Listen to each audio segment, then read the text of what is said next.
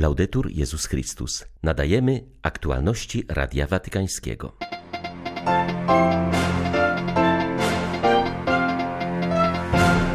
Papież przyjął rezygnację biskupa Grzegorza Kaszaka, ordynariusza diecezji sosnowieckiej. Dla dwóch milionów katolików na Półwyspie Arabskim rozpoczął się dzisiaj rok jubileuszowy. Ogłoszono go z okazji 1500. rocznicy męczeństwa świętego Aretasa. Po upadku ormiańskiej enklawy w Górskim Karabachu najstarsze zabytki wczesnego chrześcijaństwa znalazły się w rękach Azerów, którzy zacierają wszelkie ślady po chrześcijańskich Ormianach. 24 października wita Państwa Krzysztof Bronk. Zapraszam na serwis informacyjny. Jak podało biuro prasowe Stolicy Apostolskiej, papież przyjął dziś rezygnację złożoną przez biskupa Grzegorza Kaszaka, dotychczasowego ordynariusza diecezji sosnowieckiej. Natomiast wydany w południe komunikat nuncjusza apostolskiego w Polsce dodaje, że administratorem apostolskim sedewakantem w Sosnowcu został mianowany metropolita katowicki arcybiskup Adrian Galbas. Papież skierował krótkie wideo przesłanie do młodych Salwadorczyków. Franciszek zachęca ich do udziału w lokalnych obchodach Światowego Dnia Młodzieży. W Salwadorze centralne obchody będą miały miejsce w mieście Santa Anna. Organizatorzy spodziewają się 15 tysięcy młodych uczestników i to właśnie do nich Franciszek skierował swoje słowa. Creo que es el 25 de noviembre. A więc do 25 listopada będziecie obchodzić Światowy Dzień Młodzieży w Salwadorze. Nie zostańcie w domu, idźcie, ruszcie się, bo jeśli młody człowiek się nie rusza, rdzewieje, a widok zardzewiałego młodego człowieka jest bardzo smutny. A zatem ruszcie się. Anímense y vayan. Chao. Dzisiaj dla katolików w Arabii rozpoczął się szczególny jubileusz. Jest on związany z 1500. rocznicą śmierci świętego Aretasa i towarzyszy męczenników z Nadżranu. Zdobywszy miasto, chimiarycki król Zunuwas w imię polityki prześladowania wiar innych niż judaizm miał zabić nawet ponad 4000 osób. Obecnie wspomnienie ich ofiary złożonej za wierność Chrystusowi stanowi okazję do trwającego przez okrągły rok jubileuszu na ziemiach Półwyspu Arabskiego. O znaczeniu rozpoczętych właśnie wydarzeń jubileuszowych mówi biskup Aldo Berardi, wikariusz apostolski Arabii Północnej, odpowiedzialny za wiernych w Kuwejcie, Katarze, Bahrajnie i Arabii Saudyjskiej. So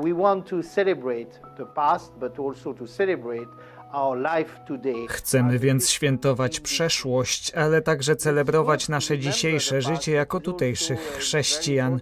Stanowimy kontynuację owej tradycji męczenników. Pozostajemy świadkami Jezusa.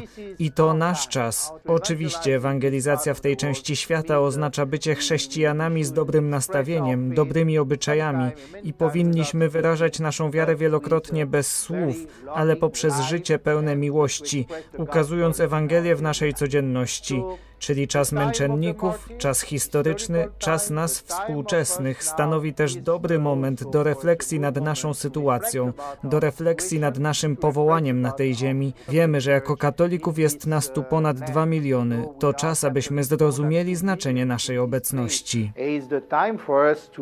Understand the importance of our presence. To Sobór Watykański II zobowiązuje Kościół do troski o kulturowe dziedzictwo chrześcijan wschodnich. Uznaje bowiem, że w nim zawarte są skarby samych początków chrześcijaństwa. Wskazuje na to francuski orientalista profesor Jean-Pierre Mahé, nie ukrywając zaniepokojenia tym, co dzieje się w Górskim Karabachu. Rozmawiając z Radiem Watykańskim, przypomina, że Ewangelia dotarła do Armenii już w czasach apostolskich. Kraj ten, jeszcze wcześniej niż Cesarstwo Rzymskie, uznał chrześcijaństwo za religię państwową. Dziś po raz kolejny grożą mu krwawe prześladowania, które nie oszczędzają też dóbr kultury chrześcijańskiej. W ubiegłym miesiącu ponad 100 tysięcy Ormian zostało zmuszonych do opuszczenia tej górskiej enklawy. Pozostawili na tej ziemi ogromne dziedzictwo kultury chrześcijańskiej. Azerskie wojska starają się zatrzeć wszelkie ślady ormiańskiej historii tych ziem. A jak wyjaśnia profesor Mae, sięga ona samych początków chrześcijaństwa. Górski Karabach jest odizolowanym regionem górskim. Według najstarszych tekstów chrześcijaństwo dotarło tam za pośrednictwem świętego imieniu Jegisze lub Elisza. Był on jednym z uczniów Jakuba Apostoła, brata Pana. Ale chrześcijaństwo w Górskim Karabachu zawdzięcza się głównie działaniom władcy Wathagana Pobożnego, który wstąpił na tron w 484 roku. Oczyścił miejsca zajmowane przez pogańskie bożki, rozpowszechniając relikwie świętych, a w szczególności zawdzięczamy mu budowę najstarszego zabytku religijnego w Karabachu i Azerbejdżanie, jakim jest mauzoleum Grigorisa, wnuka świętego Grzegorza Oświeciciela. Stoi do dziś w Amaras. Pod Karabachem w korytarzu laczyńskim znajduje się również bardzo stary kościół zwany klasztorem Jaskółki, którego najstarsze zachowane do dziś części pochodzą z IV wieku.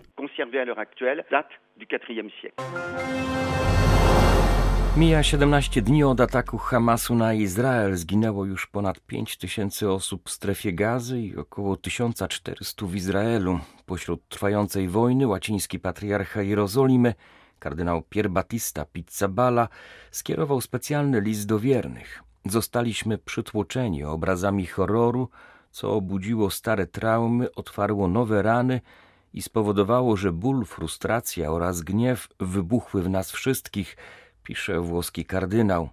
Pośród kryzysu pragnie, aby chrześcijanie spojrzeli na Chrystusa i tam szukali odpowiedzi. Patriarcha przypomina o zbliżającym się dniu postu i modlitwy w intencji pokoju, dodając, że być może to jest właśnie najważniejsza rzecz, jaką chrześcijanie mogą teraz podjąć. Kardynał Pizzabala jasno wyraża swe stanowisko wobec zachodzących wydarzeń, potępiając z pełną mocą atak Hamasu z 7 października.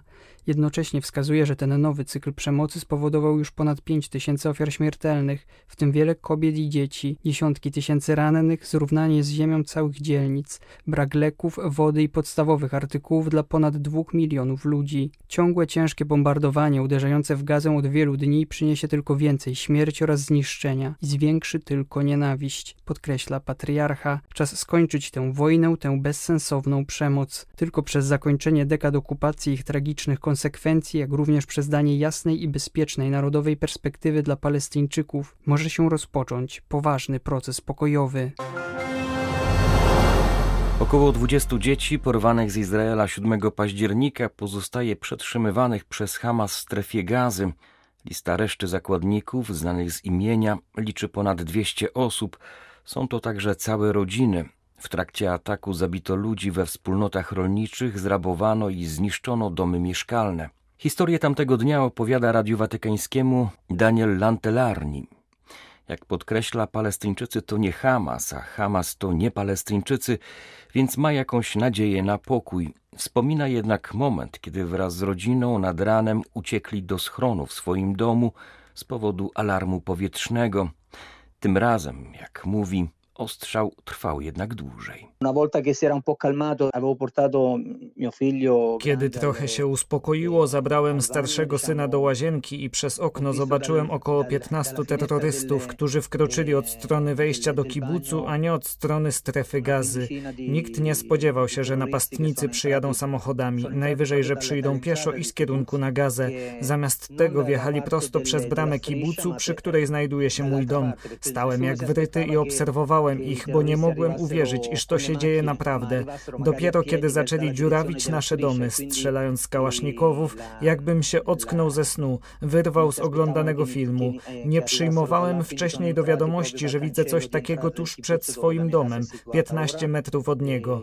Natychmiast pobiegliśmy z powrotem do naszego schronu, zamknęliśmy wszystko, nawet metalowe okno i drzwi, aby nikt nie mógł się tam dostać. Od razu ostrzegliśmy naszych przyjaciół z sąsiedztwa, by wszystko zamknęli. Moją sąsiadkę, samą z dwójką dwuletnich bliźniaków. To ją uratowało, ponieważ momentalnie przyszli do naszych domów i zaczęli strzelać. Wrzucili nawet granat ręczny do jej sypialni. Próbowali też otworzyć nasze metalowe okno. Uspokajałem moje dzieci, mówiąc, iż wszystko w porządku. Znajdujemy się w naszym schronie, ale w środku pozostawałem jakby zmrożony. Wiedziałem, że jeśli otworzyłbym wcześniej okno, to byłby już koniec. Sapevo che se avessero aperto la, la finestra sarebbe stata la fine. Obecnie prawdziwa, pełnoskalowa wojna bardzo mocno rani Ukrainę i to na każdym poziomie, tak dusze, ciało, jak też ekonomię, ciągnąc również za sobą różne humanitarne oraz społeczne wyzwania, wskazuje ksiądz Lubomir Jaworski, patriarszy ekonom ukraińskiego kościoła grecko-katolickiego, opisuje odpowiadające na tę sytuację działania jego wspólnoty.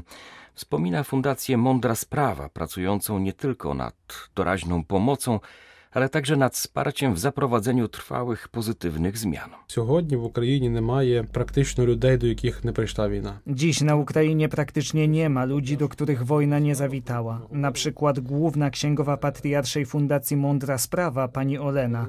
Jej mąż Mykoła, żołnierz z Krymu, zginął w tej wojnie. Niedawno urodziła chłopca, też Mykołę.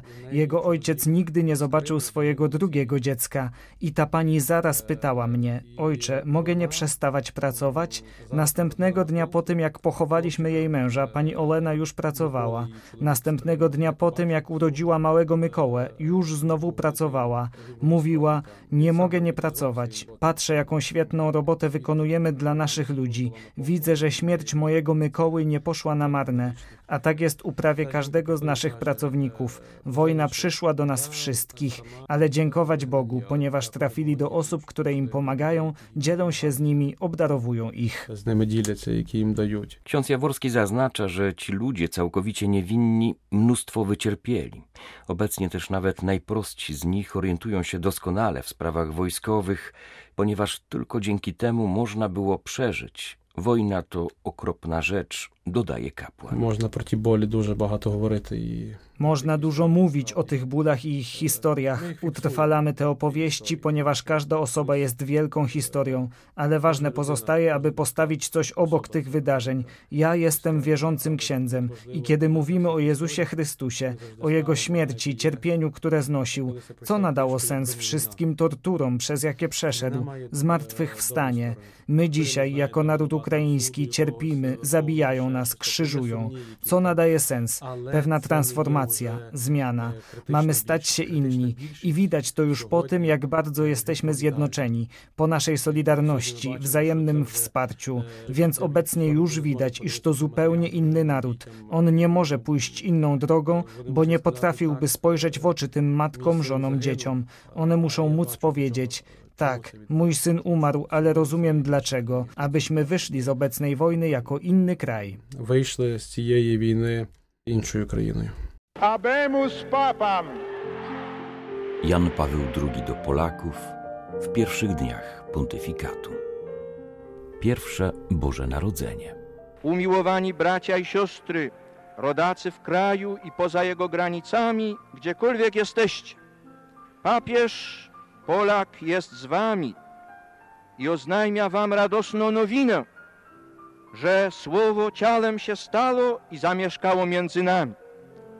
Życzę wam i całej ojczyźnie radosnych i błogosławionych świąt Bożego Narodzenia. Przeżywamy tajemnicę wcielenia jako jedna rodzina Boża. Niech nie będzie wśród nas ludzi samotnych, smutnych, zapomnianych, skrzywdzonych, powaśnionych. Modlę się z wami słowami kolendy. Podnieś rączkę, Boże Dziecię, błogosław Ojczyznę milą, w dobrych radach, w dobrym bycie wspieraj jej siłę swą siłą. Christus natus est nobis, venite adoremus. Były to aktualności Radia Watykańskiego. Laudetur Jezus Chrystus.